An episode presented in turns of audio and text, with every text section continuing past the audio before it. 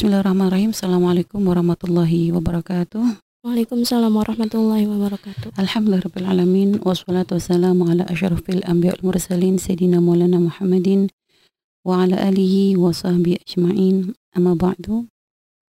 Para pendengar yang dimuliakan Allah di mana pun Anda berada. Semoga Allah senantiasa memberikan kepada kita semua kesehatan. Semoga Allah terus membukakan bagi kita pintu-pintu kebaikan dan kemuliaan. Dan semoga kita semua senantiasa Allah terus berikan kemudahan untuk tolabul ilmi bersama ya. Dan juga untuk agar kita bisa semakin lebih memahami syariat Nabi Muhammad SAW dan semoga kita semakin kenal dengan orang-orang yang punya hubungan indah dengan kekasih kita Nabi Muhammad SAW dengan tujuan semoga tujuan kita untuk mengenal orang-orang mulia tersebut akan menjadikan kita bisa sampai kepada Rasulullah Shallallahu Alaihi Wasallam. Baik para pendengar ini muliakan Allah Subhanahu Taala. Tadi yang sudah disampaikan oleh Nela ya bahwa hari ini kita akan kembali berkenalan. Artinya kita ingin lebih tahu ya tentang sosok wanita mulia yang harus kita teladani kemuliaannya, kesolehahannya dan ini eh, saat kita akan membahas satu kisah akan menceritakan satu kisah tentang seorang sahabat mulia yang bernama Um yang sering yang dikenal dengan nama Ummu Aiman. Ya, jadi nama yang paling masyhur itu adalah Ummu Aiman. Walaupun nama beliau bukan itu, gitu ya aslinya bukan itu, tapi ini Aiman ini adalah nama putra beliau. Dan siapa sih Ummu Aiman gitu ya?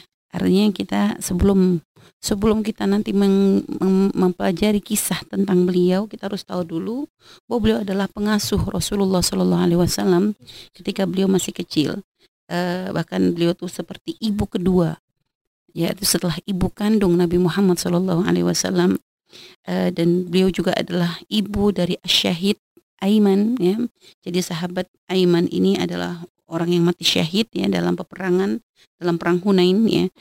Eh, dan juga beliau adalah istri dari orang yang sangat disayangi oleh Nabi Muhammad SAW yaitu sahabat Zaid bin Harisah. Dan beliau juga adalah ibu dari anak yang sangat disayangi oleh Rasulullah SAW yaitu Usamah Sayyidah Usamah Said Said Said Usamah ya sahabat Usamah ibn Zaid. Dan dialah juga wanita yang memang eh, benar-benar dekat dengan Rasulullah Shallallahu Alaihi Wasallam sampai dikatakan bahwa beliau ini adalah orang yang satu-satunya orang ya yang tahu perjalanan hidup Nabi Muhammad ya yang melihat yang menemani Nabi Muhammad SAW dari mulai Nabi dilahirkan sampai Nabi wafat. Jadi uh, Ummu Aiman adalah sahabat Ummu Aiman adalah seorang wanita yang luar biasa. Baik, eh, kita harus tahu dulu ya siapa beliau. Apakah memang beliau itu adalah orang yang memang eh, punya punya apa namanya strata sosial yang tinggi. Maka Ummu Aiman gitu ya, atau yang namanya disebut sebagai eh, barokah. Namanya adalah barokah dan beliau itu nama asli beliau adalah barokah. Beliau itu adalah seorang budak dari Habasyah. Jadi beliau adalah seorang bu- budak dari Habasyah dan barok eh, apa namanya? Dan beliau ini dikenal gitu ya sebagai jadi zaman zaman di zaman jahil, jahiliyah perlakuan majikan kepada budak itu sangat buruk. Sangat-sangat buruk. Akan tetapi Sayyidah Ummu Aiman ini diberikan ke eh, apa ya di kemudahan oleh Allah Subhanahu wa taala sehingga beliau itu berada di tangan seorang tuan yang sangat baik gitu ya. Yaitu berada memang beliau itu dimiliki oleh ayah dari Nabi Muhammad Shallallahu Alaihi Wasallam. Dan itu suatu keberuntungan ya satu keberuntungan yang teramat sa- sangat besar bagi eh, Sayyidah Ummu, eh, Ummu Aiman ini gitu ya. Dengan mempunyai majikan yaitu ayah dari ay- ayahanda dari Rasulullah Shallallahu Alaihi Wasallam itu Sayyidina Abdullah. Dan eh, sehingga beliau mendapatkan perlakuan yang baik ya di artinya di walaupun sebagai seorang Buddha tapi suasana keluargaan itu dirasakan oleh beliau Sehingga ketika akhirnya Rasulullah, ketika akhirnya ayahanda dari Nabi Muhammad SAW wafat, maka secara otomatis uh, Sayyidah Ummu Aiman ini pun jatuh artinya menjadi budak dari Nabi Muhammad SAW. Dan beliau adalah wanita yang menemani ibunda dari Rasulullah SAW ketika hamil ya ketika dari mulai awal hamil. Dikarenakan ketika baru mulai awal hamil itu Sayyidah Aminah ditinggal oleh oleh, oleh suaminya uh, sehingga akhirnya dalam kehamilan ini benar-benar Sayyidah Ummu Aiman inilah yang punya peran penting dalam menjaga kehamilan Sayyidah Aminah. Karena ayahanda daripada Rasulullah SAW itu wafat di usia kandungan Nabi dua bulan. Itu pun wafatnya bukan di kota Mekah tapi berada di kota Madinah hmm. ke sepulang perjalanan beliau dari perjalanan ke Syam. Sehingga mungkin bisa dikatakan Sayyidina Abdullah ini sama sekali tidak ikut merawat kandungan Sayyidah Aminah ya yang ketika itu memang mengandung Rasulullah Shallallahu Alaihi Wasallam. Hmm. Sehingga ada ikatan lebih di antara Nabi dengan Sayyidah Ummu Aiman. Karena gak main-main hmm. dari mulai dalam kandungan beliau tuh sudah ibaratnya ikut merawat. Bahkan beliau tuh melihat kelahirannya, proses kelahirannya Rasulullah, terlahirnya Rasulullah Shallallahu Alaihi Wasallam ya, proses kelahirannya beliau. Jadi uh, itu dilihat langsung oleh Sayyidah Ummu Aiman dan beliau pun mulai mengetahui ada banyak hal-hal istimewa yang itu benar-benar mungkin tidak dilihat, yang yang tidak pernah dilihat oleh uh, kepada bayi-bayi yang lainnya gitu. Ya. Jadi memang ini adalah khusus keutamaan yang Allah tunjukkan kepada Nabi Muhammad Shallallahu Alaihi Wasallam.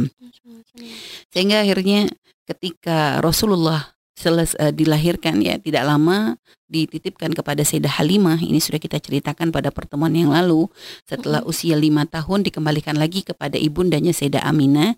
Dan akhirnya ketika menjelang usia enam tahun gitu ya di usia enam tahun uh, Rasulullah SAW maka Sayyidah Aminah itu ingin mengajak Rasulullah untuk berkenalan untuk sambung silaturahmi berkenalan dengan saudara-saudara dari ayahanda beliau yang memang banyak berada di kota Madinah akhirnya e, melempuhlah Sayyidah Aminah dan um, Sayyidah Ummu Aiman dan juga bersama Rasulullah SAW menempuh perjalanan jauh ya menuju kota Madinah dengan jalan kaki tentu dengan dua dua onta bekal dua onta ya lalu, lalu melakukan perjalanan jauh seperti itu. Dan ternyata sepulang dari sana gitu ya di kota uh, Abu itu ya jadi di satu tempat di antara Makkah dengan Madinah gitu ya. E, ternyata Sayyidah Aminah pun e, di apa merasa sakit sakit itu jatuh sakit di Abu tersebut. Jadi beliau jatuh sakit sehingga akhirnya tertunda e, Sayyidah Ummu Aiman pun merawat Sayyidah Aminah saat itu. Akan tapi ternyata qadarullah Allah menakdirkan bagi nabi kita ibunda Rasulullah pun ternyata wafat di tempat tersebut. Sehingga kebayang bagaimana perasaan Sayyidah Ummu Aiman melihat seorang anak kecil gitu ya, seorang anak kecil yang ditinggal oleh ayahnya. Setelah itu memang tidak pernah bertemu ayahnya. Datang tujuan ke Madinah adalah untuk ziarah ayahnya. Ternyata belum sampai ke kota Mekah kembali ke tempatnya ternyata malah ditinggal oleh ibundanya. Jadi Sayyidah uh, Sayyidah Aiman lah yang saat itu menemani masa-masa berat yang dilalui oleh Nabi kita Nabi Muhammad Shallallahu Alaihi Wasallam. Sampai uh, beliau pun mengatakan bahwa ketika menjelang uh, akan wafat Sayyidah Aminah Sayyidah Aminah itu masih berusaha untuk mengangkat tangannya untuk uh, apa memeluk ingin memeluk Rasulullah SAW untuk terakhir kalinya. Dan hal itu disaksikan oleh Sayyidah Ummu Aiman gitu ya. Bagaimana sebenarnya Sayyidah Aiman pun merasa sangat berat untuk meninggalkan putranya yang masih kecil kan. Tapi Allah menakdirkan seperti itu yang terbaik untuk kekasihnya Nabi Muhammad Shallallahu Alaihi Wasallam. Dan Rasulullah pun menangis ketika di, di, di apa ditinggal oleh ibundanya. Beliau pun selalu manggil umi, umi, umi ya. Karena bagaimanapun Nabi adalah seorang manusia seorang anak kecil yang memang ya sangat mencintai ibundanya dan juga sangat dicintai oleh ibundanya. Ada ikatan yang luar biasa. Dan Sayyidina Ummu Iman lah yang saat itu memposisikan dirinya sebagai pengganti Sayyidah Aminah menghibur Nabi menguatkan Nabi ya dan juga ya menjadi orang yang memeluk Rasulullah dalam keadaan Nabi seperti itu gitu ya. Sehingga makanya memang ikatan Rasulullah dengan Sayyidah Ummu Aiman ini gak main-main gitu ya. Benar-benar ibaratnya ada ikatan yang luar biasa Sehingga akhirnya eh, beliaulah yang membawa pulang Rasulullah SAW kembali ke kota Mekah ya dengan kesedihan yang mendalam. Lalu beliau pun menghantarkan Rasulullah kepada kakeknya Abdul Muthalib yang saat itu merasa kaget. Di mana tadi berangkat dengan ibunya, lalu Aina Umak. Uh, beliau bertanya kepada Rasulullah, di mana ibumu? Lalu Sayyidah Ummu Aiman menjawab bahwasanya Sayyidah Aminah ya telah meninggal di kota Al-Abwa hmm. itu tadi. Subhanallah, akhirnya saat itulah mulai Rasulullah dirawat oleh kakeknya Abdul Muthalib dalam pengasuhan kakeknya kan tapi pun yang punya peran dalam merawat Rasulullah saat itu pun kembali adalah Ummu Aiman. Sayyidah Ummu Aiman pun yang merawat Rasulullah Shallallahu Alaihi Wasallam. Beliau merawat Rasulullah dengan perhatian seorang ayah dan juga seorang ibu dan benar-benar uh, mencurahkan kasih sayangnya uh, kepada kepada Rasulullah Shallallahu Alaihi Wasallam sampai akhirnya ketika kakeknya pun wafat ya kakeknya wafat ini kakeknya memang sering berpesan kepada Ummu Aiman wahai Barokah gitu kan Barokah eh, apa namanya Jangan biarkan anakku ini bermain sembarangan karena sungguh ahli kitab mengatakan kepadaku bahwa anakku ini akan nanti menjadi seorang uh, seorang nabi, akan menjadi nabi umat ini. Jadi memang Abdul Muthalib itu sudah menangkap keistimewaan Rasulullah SAW sehingga beliau pun mengatakan kepada Ummu Aiman akan hal tersebut. Bahkan tidak sedikit gitu ya. E, hal ini pun disampaikan oleh Abdul Muthalib ketika Rasulullah bermain-main di tempat duduknya Abdul Muthalib. Yang tempat duduk itu tidak pernah ada seorang pun berani mendudukinya. Jadi ada satu tempat khusus disiapkan untuk Abdul Muthalib sebagai sesepuh lah dari e, ahli Mekah gitu ya. Yang tidak ada satu orang pun bahkan putra-putra beliau tidak ada yang berani menduduki tempat duduk tersebut. Akan tapi Rasulullah tuh kadang sering kali ketika bermain duduk di tempat tersebut sehingga akhirnya paman-pamannya tuh ingin menghalangi hmm. karena bentuk penghormatan kepada Abdul Muthalib yang akan tapi saya uh, Abdul Muthalib melarang. Biarkan, biarkan dia karena anakku ini uh, akan menjadi orang yang punya kedudukan besar. Jadi akan menjadi orang yang punya kedudukan yang sangat besar. Jadi isyarat itu sudah ditampakkan, sudah disebutkan oleh Abdul Muthalib. Dan ketika uh, Abdul Muthalib pun wafat ya, akhirnya peran tersebut ya Abdul Muthalib mewasiatkan kepada putranya yang bernama Abu Talib untuk melanjutkan tugas merawat Rasulullah Shallallahu Alaihi Wasallam. Yang memang Abdul Abu Talib ini adalah orang di antara saudara paman-paman Nabi, beliau bukan yang kaya raya, bahkan dikatakan beliau ini adalah yang fakir fakir, beliau punya punya anak banyak sedangkan beliau sendiri adalah orang yang kekurangan. Akan tapi kenapa dipilih. Beliau ini ini ya kita artinya mungkin Abdul Muthalib melihat sesuatu mungkin melihat bagaimana kelembutan dari Abu Talib karena memang uh, itu pilihan yang sangat tepat gitu ya dari apa yang yang di, uh, yang dilakukan oleh Abdul Muthalib dengan menyerahkan Nabi kepada Abu Talib jadi Nabi itu berada di tangan yang sangat tepat. Beliau berada akhirnya dijaga oleh seorang paman yang mencintai Nabi itu seperti cintanya seorang ayah kepada anak jadi tidak terkurangi sedikit pun, tidak membedakan Nabi dengan saudara-saudaranya. Bahkan dikatakan Abu Talib dan istrinya Fatimah binti Asad ini sangat menyayangi Rasulullah ya. Bahkan memprioritaskan Nabi melebihi putra-putri beliau. Jadi itu luar biasa banget ya. Artinya uh, dan memang memang hal keutamaan tentang Rasulullah ini memang sudah nampak. Sudah nampak dikatakan keluarga Abu Talib itu sebelumnya itu sering kali kelaparan. Sering banget kelaparan. Kalau mereka makan tidak pernah cukup ya dikarenakan ya tadi anaknya banyak, sudah begitu eh, apa namanya? sedangkan beliau adalah orang fakir. Akan tapi setelah datangnya Nabi Muhammad SAW itu terberkahi sama seperti kisahnya Sayyidah Halimah Mungkin nanti untuk kisah ini akan kita tambahkan, akan ceritakan nanti pada pertemuan berikutnya. Karena mungkin setelah ini kita akan menceritakan satu orang lagi sosok mulia dari seorang sahabat Nabi Muhammad SAW yang juga menemani Nabi dari masa kecil beliau, yaitu Sayyidah Fatimah binti Asad, istri daripada Abu Talib ini. Ini nanti pada pertemuan yang lalu akan kita ceritakan. Yang jelas memang keberkahan Nabi itu sudah mulai nampak ya dari ketika beliau itu masih masih kecil. Jadi dari mulai makanya sehingga dikatakan Abu Thalib itu tidak pernah mau makan bersama anak-anaknya sebelum Nabi datang. Mm-hmm. Jadi semuanya dilarang makan kecuali setelah Nabi datang. Karena kalau sudah Nabi yang datang, yang Nabi Nabi yang memulai makan, maka makanan itu seakan-akan berlebih untuk beliau dan keluarga. Sama minum susu pun dimulai dari Rasulullah. Jadi hmm. sebelum anak-anaknya yang lain bahkan beliau sendiri belum minum, maka minuman itu pun diberikan kepada Nabi Muhammad SAW yang setelah itu akhirnya air susu itu seperti terberkahi. Sehingga memang Abu Talib itu sudah menyaksikan keajaiban-keajaiban atau hal-hal yang luar biasa dari mulai ketika Rasulullah kecil. Bahkan dikatakan oleh Ummu Aiman ya bahwasanya Nabi bahwasanya anak-anak Abu Thalib karena Sayyidina Ummu Aiman pun akhirnya pun ikut merawat Rasulullah di tempat tersebut gitu ya. Hmm. Beliau mengatakan bahwa putra-putranya Abu Thalib ya ketika mereka bangun tidur rambut mereka tuh kusut ya setelah itu mata mereka tuh ya kotor gitu ya. Ya muka orang tidur gimana sih gitu ya. Sebagus-bagusnya nggak karu-karuan juga gitu kan. ya mungkin ada bekas iler atau apa gitu. Intinya ya nama mereka uh, mereka akan dengan penampilan yang mungkin agak kacau balau lah akan tetapi Nabi Muhammad Sallallahu Alaihi Wasallam benar-benar dijaga oleh Allah Subhanahu Wa Taala. Secara fisik pun tidak ada kekurangan sehingga dikatakan beliau tuh kalau bangun tidur rambutnya rapi seakan-akan baru disisir dan mata beliau boro-boro ada kotorannya yang ada malah e, mata beliau tuh seperti sudah bercelak gitu ya. Mm-hmm. jadi kayak sudah dicelaki. Jadi nggak yeah. pernah ada penampilan Nabi itu yang nggak bagus.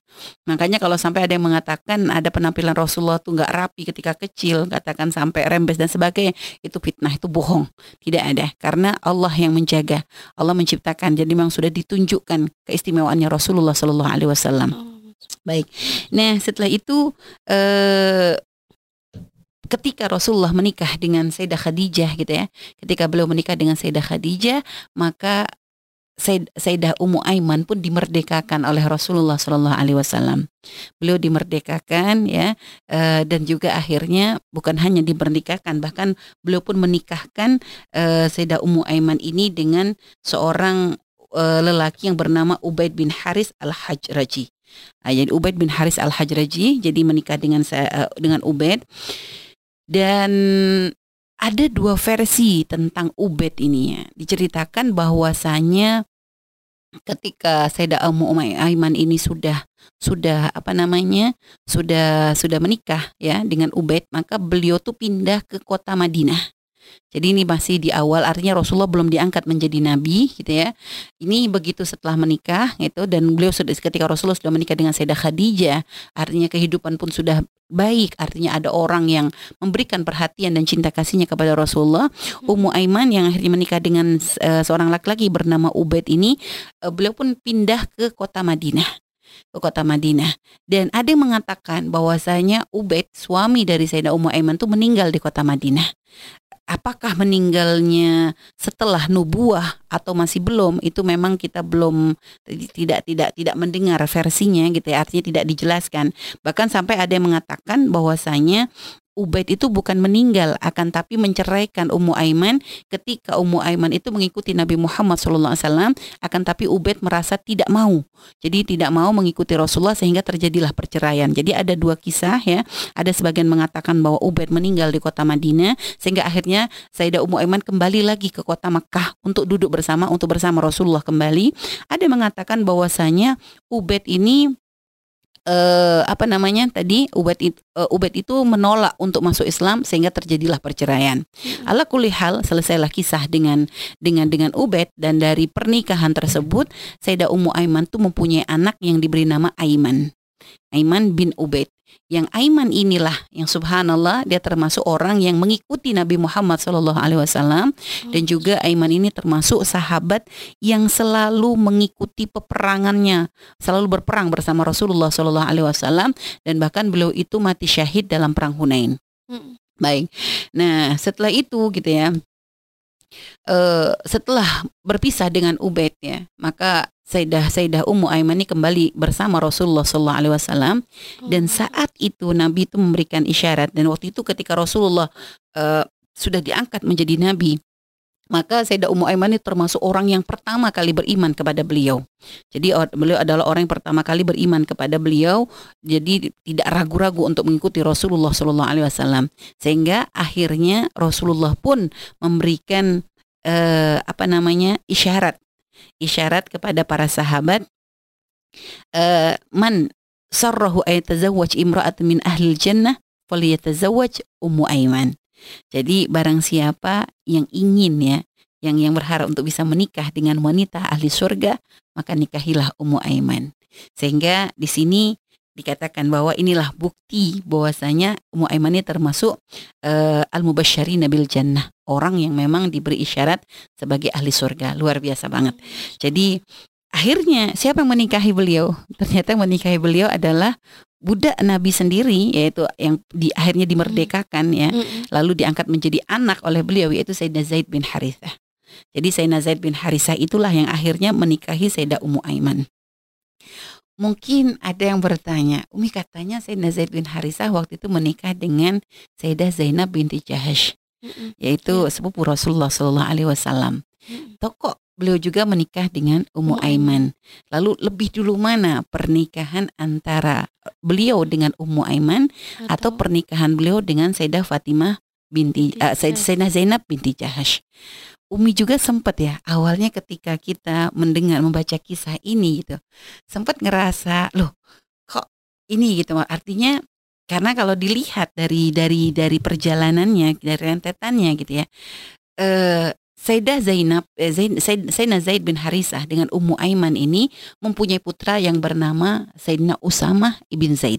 Hmm. Sayyidina Usama bin Zaid ini ketika Rasulullah akan wafat ya pada usia 10 tahun setelah hijrah Rasulullah kan wafat di tahun 11 10 atau 11 hijriah Rasulullah sebelum wafat sempat menunjuk Sayyidina Usama ibn Zaid untuk menjadi panglima perang panglima perang diutus untuk melawan Romawi kalau kami tidak salah jadi diutus perang dan beliau tuh dipilih menjadi panglimanya yang sempat saat itu mendapatkan protes uh, sempat men, para sahabat tuh tidak percaya dikarenakan Sayyidina Usama tuh bas, masih berusia 17 tahun. Nah, kalau kita hitung kalau kita hitung 10 tahun Rasulullah di Madinah, saat itu Sayyidina Zaid berusia 17 tahun. Berarti kan beliau tuh terlahir 7 tahun sebelum hijrah. 7 tahun sebelum hijrah. Jadi eh, sekitar 8 tahun Ba'dan Nubuah dan tahun 8 tahun dan Nubuah. Artinya kalau kita melihat ini berarti Sayyidina Zaid bin Harisa ini sudah menikah dengan Sayyidah Ummu Aiman sebelum terjadinya pernikahan dengan Sayyidah Zainab binti Jahash. Jadi Sayyidina uh, subhanallah ya, kata kita lihat tuh luar biasa banget para sahabat Rasulullah Shallallahu alaihi wasallam. Hmm. Sayyidina Zaid bin Harisah ini ngikut Rasulullah ketika masih kecil. Jadi beliau ngikut Nabi itu, beliau itu menjadi masih anak-anak uh, masih masih masih usia usia 10 10 ke atas lah intinya seperti itu. Dan akhirnya beliau tuh ngikut Rasulullah Shallallahu Alaihi Wasallam akhirnya dimerdekakan oleh Sayyidah Khadijah lalu dihadiahkan kepada Nabi Muhammad Shallallahu Alaihi Wasallam yang sampai hmm. akhirnya diangkat menjadi anak. Sedangkan Ummu Aiman itu kan wanita yang ngerawat Rasulullah dari Rasulullah belum lahir dari mulai dalam kandungan. Berarti kan ada bentang usia yang luar biasa jauh. Hanya memang sahabat Nabi itu adalah orang yang nggak main-main. Ketika dengar Rasulullah memberikan isyarat, siapa ingin menikah dengan wanita ahli syurga, maka nikahi wanita ini. Maka Sayyidina Zaid yang langsung uh, meminta atau memilih atau mengambil uh, apa pilihan tersebut gitu ya untuk menikahi wanita ahli syurga. Artinya dengan rentang usia Sayyidina Zaid yang jauh ya, hmm. sangat jauh. Beliau tentu Sayyidina Umaiman mungkin jaraknya berapa tahun di atasnya Sayyidina Zaid tapi pun tidak menjadi tidak menjadi satu permasalahan.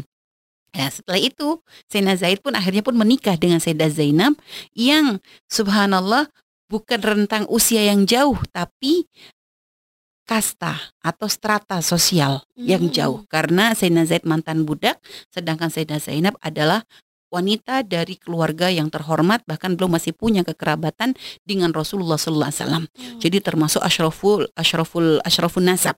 Jadi sangat nasab yang sangat-sangat bagus.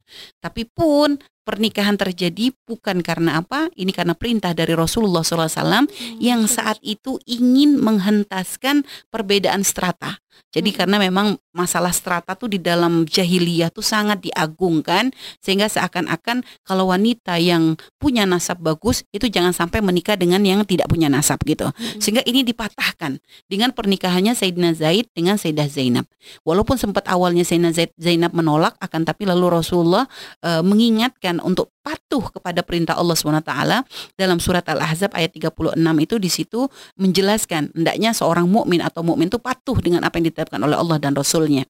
Jadi gak pantas untuk menolak sehingga karena turunnya ayat ini jadi banyak para ulama menjelaskan bahwa ayat ini turun atas kejadian yang menimpa Sayyidina Zainab binti Jahash yang saat itu sempat menolak untuk dinikahkan dengan Sayyidina Zaid.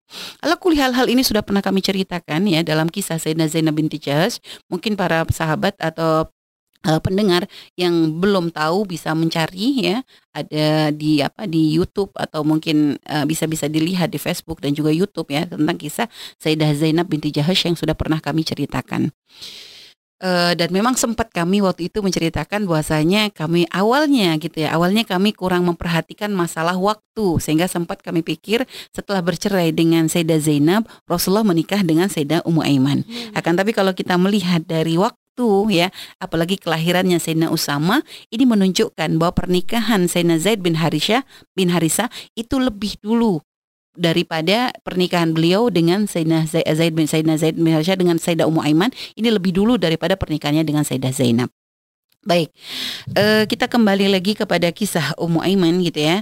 Akhirnya terjadilah pernikahan dan subhanallah uh, terlahirlah seorang putra yang luar biasa yang bernama Sayyidina Usamah ibn Zaid yang beliau itu di kalangan para sahabat diberi julukan Al-Hib ibn Al-Hib. Al-Hib ibn Al-Hib. Maksudnya apa? Orang yang sangat dicintai dan mencintai Rasulullah anaknya orang yang sangat dicintai dan mencintai Rasulullah Sallallahu Alaihi Wasallam. Hmm. Jadi karena ayahnya itu adalah orang yang sangat dicintai oleh Nabi, hmm. sangat dekat dengan Nabi, sehingga putranya pun menjadi orang yang sangat dikasihi oleh Rasulullah Sallallahu Alaihi Wasallam. Nah, jadi bahkan para para sahabat gitu ya sangat menghormati beliau eh, sampai dikatakan Sayyidina Umar sendiri ya, Sayyidina Umar sendiri itu sangat menghormati dan memuliakan beliau sehingga uh, ketika apa uh, pernah pernah uh, ada ada ada satu hal gitu. Jadi ini intinya intinya ini dulu deh kita nggak loncat ke mana-mana dulu. Yang jelas beliau punya julukan Al-Hib ibn Al-Hib. Nah selanjutnya uh, Sayyidah um, uh, Sayyidah Zainah Sayyidah Ummu Aiman gitu ya. Beliau memang menjadi orang yang sangat yang sangat-sangat membela Rasulullah dengan apa pun yang beliau bisa. Jadi beliau itu benar-benar dalam setiap peperangan selalu berusaha untuk ikut. Jadi tidak ada takut-takutnya. Jadi hmm. beliau tuh menjadi orang yang rawat orang-orang yang sakit dalam peperangan. Bahkan dalam kisah perang Uhud gitu ya, ketika orang muslim e, mengalami kekalahan ya, sempat ketika itu berbalik kondisinya yang awalnya orang muslim yang ber, yang me, apa yang memen, menguasai peperangan tapi dikarenakan ada pelanggaran kepada yang dilakukan oleh kepada Rasulullah yaitu orang-orang yang memanah ternyata tidak patuh dengan apa yang di, apa yang dipesankan oleh Nabi sehingga akhirnya kondisi berbalik yang awalnya mereka menguasai sampai akhirnya mereka pun kalang kabut karena dihantam oleh musuh yang kembali tanpa diduga-duga. Dan Ummu Aiman ini orang yang sangat marah saat itu. Beliau tuh marah ngerasa kok bisa mereka tuh melanggar apa yang disampaikan Rasulullah SAW. Sehingga dikatakan Ummu Aiman tuh marah sampai beliau tuh mengambil batu-batu hmm. lalu melempari para sahabat yang bagian pemanah itu itu dilempari oleh Sayyidina Ummu Aiman saking marahnya beliau karena mereka kok melanggar apa yang disabdakan oleh Rasulullah SAW. Hmm, Dan bahkan ketika orang-orang saat itu apa uh, saking kacaunya gitu ya. Mereka hmm. banyak yang mau lari. Itu benar-benar oleh Sayyidina Umaymah tuh malah dilempari dan dipermalukan gitu loh. Uh, sini kalau kalau emang kamu nggak berani sini aku ambil aku ambil pedang kalian gitu. Artinya hmm. saya aja yang maju kalau kamu sebagai laki-laki itu mau mundur gitu. Jadi ibaratnya dikompori lah oleh Ummu Aiman karena merasa sahabat kok dalam kondisi begini malah kocar kacir begitu. Dan apalagi ketika mendengar berita bahwasanya Rasulullah wafat, ini Sayyidina Ummu Aiman sangat-sangat khawatir sehingga beliau tuh tidak ada rasa takutnya berkeliling untuk mencari tahu pos kondisi Rasulullah yang sesungguhnya. Sehingga begitu beliau mengetahui bahwa itu tadi adalah berita bohong gitu kan, berita bohong dan beliau eh, apa namanya? Beliau melihat Rasulullah dalam keadaan sehat, maka saat itulah beliau merasa sangat bersyukur gitu ya, merasa lega gitu ibaratnya, ya itulah kebahagiaan yang sangat dirasa oleh Sayyidina Umar Iman. Beliau tuh nggak sibuk mencari suami, nggak sibuk mencari yang lain, beliau tuh sibuk mencari Rasulullah SAW karena memang cintanya yang teramat sangat besar kepada Rasulullah tuh menjadikan beliau tuh ya seperti seorang ibu kepada seorang anaknya. Hmm. Baik, ini gambaran sekilas masih ada lagi kisah-kisah tentang Sayyidah Ummu Aiman. Uh, tadi kita sudah menceritakan bahwasanya memang beliau tuh punya posisi yang luar biasa bagi bagi Rasulullah Shallallahu Alaihi Wasallam sehingga memang uh, Nabi Muhammad Shallallahu Alaihi Wasallam sering kali uh, menyebutkan gitu. Nabi pernah menyebutkan bahwasanya beliau, ber, uh, beliau berkata hatihi baqiyatu ahli baiti. Jadi beliau ini adalah uh, termasuk dari ahli bait dianggap oleh keluarga banget oleh Rasulullah Wasallam. Wa innaha ummi ba'da ummi. Jadi sesungguhnya beliau itu adalah ibu setelah ibuku. Jadi artinya benar-benar Rasulullah itu menghormati beliau. Nah, karena besarnya kedudukan Sayyidah Umayman gitu ya di hadapan Nabi Muhammad SAW sehingga para sahabat pun gitu ya beliau menghormati Sayyidah Ummu Aiman dan juga menghormati suami dan juga putra beliau sehingga e, ketika apa namanya ketika Sayyidina Zaid ya ketika beliau tuh Sayyidina Zaid itu selalu diangkat menjadi eh, jenderal gitu. Artinya menjadi pemimpin dalam setiap peperangan gitu kan. Sampai dikatakan uh, oleh para sahabat gitu ya bahwasanya memang beliau itu sampai hampir setiap tidak pernah dalam uh, tidak pernah dalam peperangan gitu ya. Kecuali Sayyidina Zaid itu selalu dipilih oleh Rasulullah itu untuk menjadi pemimpinnya. Bahkan sampai diriwayatkan dari Sayyidah Aisyah gitu ya. Beliau hmm. berkata, seandainya setiap kali Rasulullah itu mengutus perang para sahabat, maka Sayyidina Zaid ini selalu menjadi panglimanya. Dan seandainya umurnya Sayyidina Zaid itu panjang, kata beliau, tentu e, bisa saja bahwasanya Rasulullah itu akan menunjuk Sayyidina Zaid itu menjadi khalifah setelah setelah beliau. Karena memang begitu cintanya Rasulullah kepada Sayyidina Zaid. Hanya kan Sayyidina Zaid nanti wafat di perang Mut'ah gitu ya. Hmm. Uh, di perang Mut'ah. Jadi ya, uh, setelah itu juga ketika orang-orang meragukan kepemimpinannya Sina Usamah ketika di usia 17 tahun dipilih menjadi pemimpin, maka saat itu Nabi itu meyakinkan kepada mereka dengan berkata bahwasanya jika kamu meragukan kepemimpinannya Usamah, maka kalian meragukan kepemimpinannya ayahnya. Hmm. Sesungguhnya e, demi Allah dia layak memimpin, dia adalah Usamah ada e, ayahnya Usamah adalah orang yang paling aku cintai dan Usamah adalah orang yang paling aku cintai setelahnya. Jadi Nabi mengukuhkan di hadapan para sahabat semua besarnya cinta e, Rasulullah kepada kepada Sayyidina Zaid bin Harisa dan juga kepada Sayyidina Usama yang merupakan putra dari Sayyidina Zaid bin Harisa dan Ummu Aiman. Sehingga uh, dikatakan gitu kan oleh uh, pernah satu ketika Ibnu Umar itu berkata uh, berkata oh, Ibnu Umar berkata bahwasanya Sayyidina Umar itu memberikan jatah untuk Sayyidina Usama ibn Zaid itu lebih besar daripada jatah yang diberikan kepada Ibnu Umar padahal putra beliau sendiri gitu kan. Sehingga ketika ditanya apa sebabnya? Sayyidina Umar menjawab dia itu lebih dicintai Rasulullah daripada kamu Sayyidina Usama tuh lebih dicintai daripada kamu dan ayahnya lebih dicintai oleh Rasulullah melebihi ayahmu. Jadi subhanallah ya para sahabat padahal Rasulullah pun nggak kurang-kurang mencintai Sayyidina Umar gitu. Cuma nggak ada sombong atau apa. Jadi tetap menganggap Sayyidina Zaid itu lebih dicintai oleh Rasulullah karena memang Rasul Sayyidina Zaid itu memang mengikuti Nabi itu dari mulai ketika beliau kecil sehingga ada ikatan batin lebih antara Rasulullah dengan Sayyidina Zaid. Belum lagi beliau juga pasangan dari orang yang sangat dicintai Rasulullah yaitu Sayyidah Ummu Aiman. Baik. Selanjutnya kembali kepada kisah Sayyidina Ummu Iman gitu. Dikatakan Bang Sayyidina Ummu Iman ini punya tingkat ketakuan yang luar biasa besar ya. Jadi beliau adalah orang yang sangat senang berpuasa. Sehingga pernah terjadi satu kisah yang masyhur banget gitu ya. Ketika Sayyidina Ummu Iman itu menempuh perjalanan hijrah dari kota Madinah, dari kota Mekah ke kota Madinah. Di pertengahan jalan itu dikatakan Sayyidah Ummu Iman ini dalam keadaan sangat kehausan. Beliau itu menjadi lemah gitu, lemah banget. Dan beliau tuh bertahan, awalnya mencoba untuk bertahan dengan berpuasa. Tapi karena kondisi semakin lemah, sehingga ketika sampai di daerah yang bernama Rauha itu ya, kalau tidak salah ada satu daerah gitu kan, eh, di dekat Rauha itu beliau merasakan kehausan yang sangat luar biasa dan saat itu beliau dalam keadaan eh, berpuasa akan tapi tiba-tiba subhanallah ini mungkin termasuk karomahnya beliau gitu ya. Tiba-tiba ada minuman dalam dalam kisah itu disebutkan dalu ya. Dalu itu berarti kayak ember. Hmm yang tiba-tiba kayak turun terjulur dari langit gitu ya terjurul dari langit sehingga akhirnya Ummu Aiman itu pun mengambil ember tersebut yang ternyata di dalamnya ada air. Lalu beliau pun meminum air tersebut dan lalu beliau berkata demi Allah setelah aku minum air dari ember tersebut aku tidak pernah lagi merasakan yang namanya haus nggak pernah. Walaupun dalam keadaan teramat sangat panas walaupun beliau berpuasa dalam keadaan teramat sangat panas beliau tidak pernah lagi merasakan yang namanya kehausan. Dan kisah ini masyur banget gitu artinya ini menunjukkan keagungannya Sayyidah Ummu Aiman di hadapan Allah Subhanahu wa taala. Bagaimana tiba-tiba ada minuman turun kan? Ini kan kalau bukan karena kemuliaannya karena memang ya subhanallah kebesaran hmm. beliau yang uh, menunjukkan kemuliaan beliau di hadapan Allah Subhanahu wa taala ini nggak akan terjadi dan selanjutnya gitu ya Rasulullah juga punya hubungan indah dengan Sayyidah Ummu Aiman. Nabi itu suka banget bercanda dengan Ummu Aiman gitu kan. Suka godain Ummu Aiman dan Sayyidah Ummu Aiman tuh ya karena memang begitu dekatnya dengan Rasulullah. Ketika apa ya kadang dengan Rasulullah tuh apa sikapnya itu nggak seperti para sahabat. Kalau para sahabat kan dengan rasa hormat dan sebagainya. Bukan Umi mengatakan Sayyidina Umar tidak hormat dengan Nabi, hanya memang kedekatannya, posisinya sudah kayak seorang ibu.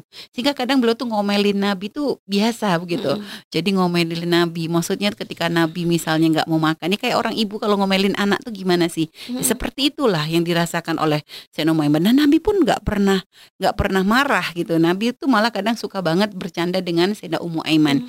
Sehingga pernah satu hari uh, ketika Rasulullah itu akan akan melakukan satu perjalanan gitu kan Sayyidina Umayman tuh berkata kepada Nabi eh nih gitu aku bawa aku gitu bawa aku ya Rasulullah gitu kan hmm. akhirnya Nabi berkata baiklah kata aku bawa kamu untuk naik di atasnya anak onta aku bawa kamu pakai anak onta kata Ummu Aiman nggak mungkin bisa ya Rasulullah nggak nggak mungkin kuat tuh anak onta untuk aku naiki.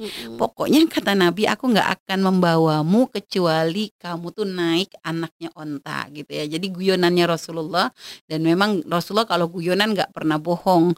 Jadi memang yang pan, yang dipikir Nabi dengan dipikir Ummu Aiman tuh beda. Kalau saya Ummu Aiman mikirnya anak onta yang kecil padahal kalau kata Nabi ya setiap onta itu merupakan anak onta kan gitu.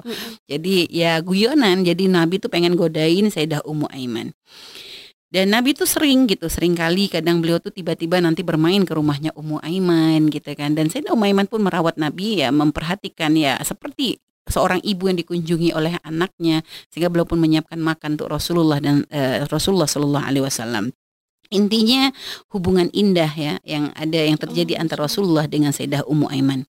Dan uh, apa Sayyidah Ummu Aiman ini juga punya kekurangan ya. Beliau ini orangnya lidahnya itu pel apa cadel. Cadel ya. Sehingga kadang beliau itu gak bisa menyebutkan antara sa dengan sin gitu. Hmm. Jadi kalau menyebut sa beliau nyebutnya sin. Sehingga pernah ya dalam peperangan itu beliau tuh salah ucap gitu kan. E, beliau tuh salah ucap gitu kan yang artinya ketika uh, apa namanya ketika lagi perang gitu kan seharusnya beliau tuh menyebut menyebutkan Allah akdamakum semoga Allah menetapkan kaki kalian gitu. Beliau tuh menyebutnya sabat padahal kalau dalam bahasa Arab kan beda huruf tuh beda makna. Yeah. yang artinya malah disuruh melangkah gitu. Jadi intinya malah maknanya tuh melenceng jauh. Mm. sehingga saat itu Rasulullah lalu negur sudah umat iman kamu jangan ngomong gitu kan. Takut menjadikan orang salah paham. Padahal Nabi paham. Yang dimaksud oleh Ummu Aiman tuh adalah sabat Allah semoga Allah menetapkan kaki kalian gitu ya. Begitu juga juga dalam mengucapkan salam gitu ya. Sehingga uh, saya Sayyidah Umar Iman tuh tidak mampu mengucapkan assalamualaikum. Jadi kalau beliau mengucapkan assalamualaikum selalu terucap salam la alaikum. Yang artinya kalau assalamualaikum keselamatan bagimu, kalau salam la alaikum keselamatan bukan untukmu. Jadi akhirnya Nabi pun mengatakan sudah assalam saja sudah nggak usah pakai yang lain-lain. Jadi oleh Nabi diringkaskan karena memang lidah beliau yang cadel tuh menjadikan beliau tuh susah untuk berucap.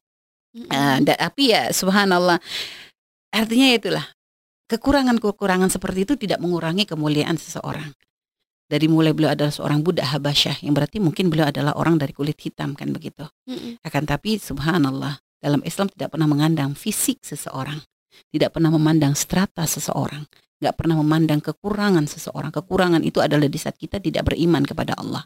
Di saat kita tidak takut akan tapi sebanyak apa pun kekurangan fisik, tapi jika dia ternyata dibarengi dengan keimanan, ketakwaan kepada Allah dan Rasulnya, maka semua kekurangan itu menjadi hilang. Dan lihat, Sayyidina Umaiman tidak terkurang sedikit pun. Padahal adalah dengan lidah seperti itu dari orang yang seorang bekas budak gitu ya. Hmm. Tapi tidak mengurangi rasa hormat Nabi kepada Sayyidah Ummu Aiman. Inilah dalam Islam lihat. Jadi ikatan seorang tidak dinilai dari apa yang mereka punya dengan apa yang dunia yang mereka punya, tapi seberapa dekat mereka kepada Allah Subhanahu wa taala. Maka Ummu Aiman inilah termasuk ya contoh gitu ya keagungan Islam ini ter ada dalam dalam kisah Ummu Aiman ini gitu ya bagaimana Rasulullah memuliakan dan mencintai beliau.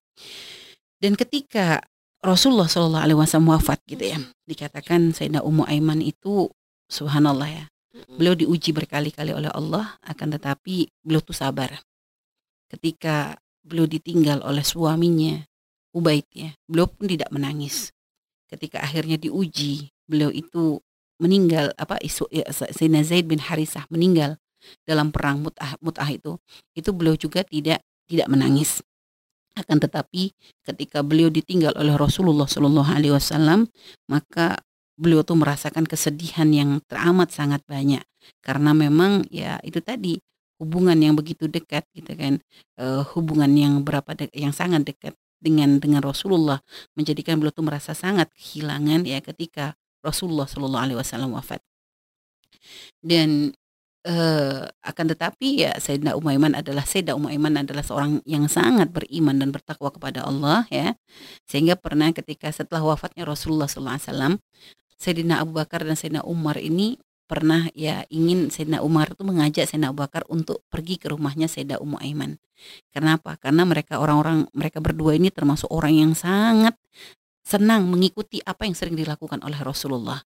Sehingga beliau tahu bahwasanya Rasulullah itu sering ke tempat Ummu Aiman, makanya Sayyidina Abu Bakar dan Sayyidina Umar itu pun menjadikan kunjungan kepada Sayyidina Ummu Aiman ini sebagai bentuk cara mereka untuk melakukan apa yang sering dilakukan oleh Nabi Muhammad SAW. Oh, dan ketika mendatangi Sayyidina Ummu Aiman tuh Sayyidina Ummu Aiman tuh melihat Sayyidina Abu Bakar dan Sayyidina Umar sebagai orang yang sangat dekat dengan Rasulullah, maka beliau pun menangis. Uh, akhirnya Sayyidina Umar dan Sayyidina Bakar berkata, Wahai Ummu Aiman, kenapa kamu menangis? Apakah kamu tidak merasa ridho dengan apa yang Allah pilihkan yang terbaik untuk Nabi kita? Dikatakan oleh beliau, demi Allah gitu kan, aku tahu bahwa Rasulullah telah Allah pilihkan tempat yang terbaik. Aku tahu bahwasanya Rasulullah itu telah dibikin tempat yang terbaik oleh Allah. Akan hmm. tetapi aku menangis dikarenakan telah terputus khobar minas sama. Jadi maksudnya telah terputus wahyu. Sehingga itu yang menjadikan aku menangis. Artinya kesedihan dengan wafatnya Nabi itu bukan hanya, ya inilah yang dirasakan oleh para sahabat. Wafat Nabi itu yang menjadikan mereka sedih bukan hanya kehilangan se se seorang yang luar biasa, yang sangat mencintai dan dicintai oleh mereka, tapi juga menjadi sebab terputusnya wahyu dari Allah Subhanahu wa taala. Itu yang menjadikan mereka merasakan sangat kehilangan. Sehingga ketika Sayyidina Umar mendengar, Sayyidina Umar dan Sayyidina Bakar mendengar apa yang disampaikan oleh uh, Sayyidah Ummu Aiman, maka mereka pun menangis bersama. Dan Sayyidina Ummu Aiman ini masih uh, masih menemui masa pemerintahan Sayyidina Abu Bakar dan juga masa pemerintahan Sayyidina Umar ibn Khattab. Akan tapi ketika akhirnya Sayyidina Umar ibn Khattab pun wafat dibunuh oleh seorang bernama Abu Lu'lu itu ya. Hmm. Itu Sayyidina Umar Aiman mendengar kabar tersebut lalu beliau menangis dan beliau berkata sungguh saat ini Islam semakin lemah karena memang wafatnya Sina Umar itu merupakan ya suatu hal yang sangat berat ya. Hmm. Makanya sampai wafatnya Sayyidina Umar tuh nggak main-main sampai dikatakan uh, ada riwayat menceritakan bahwasanya dengan wafatnya Sayyidina Umar kota Madinah saat itu tuh menjadi gelap.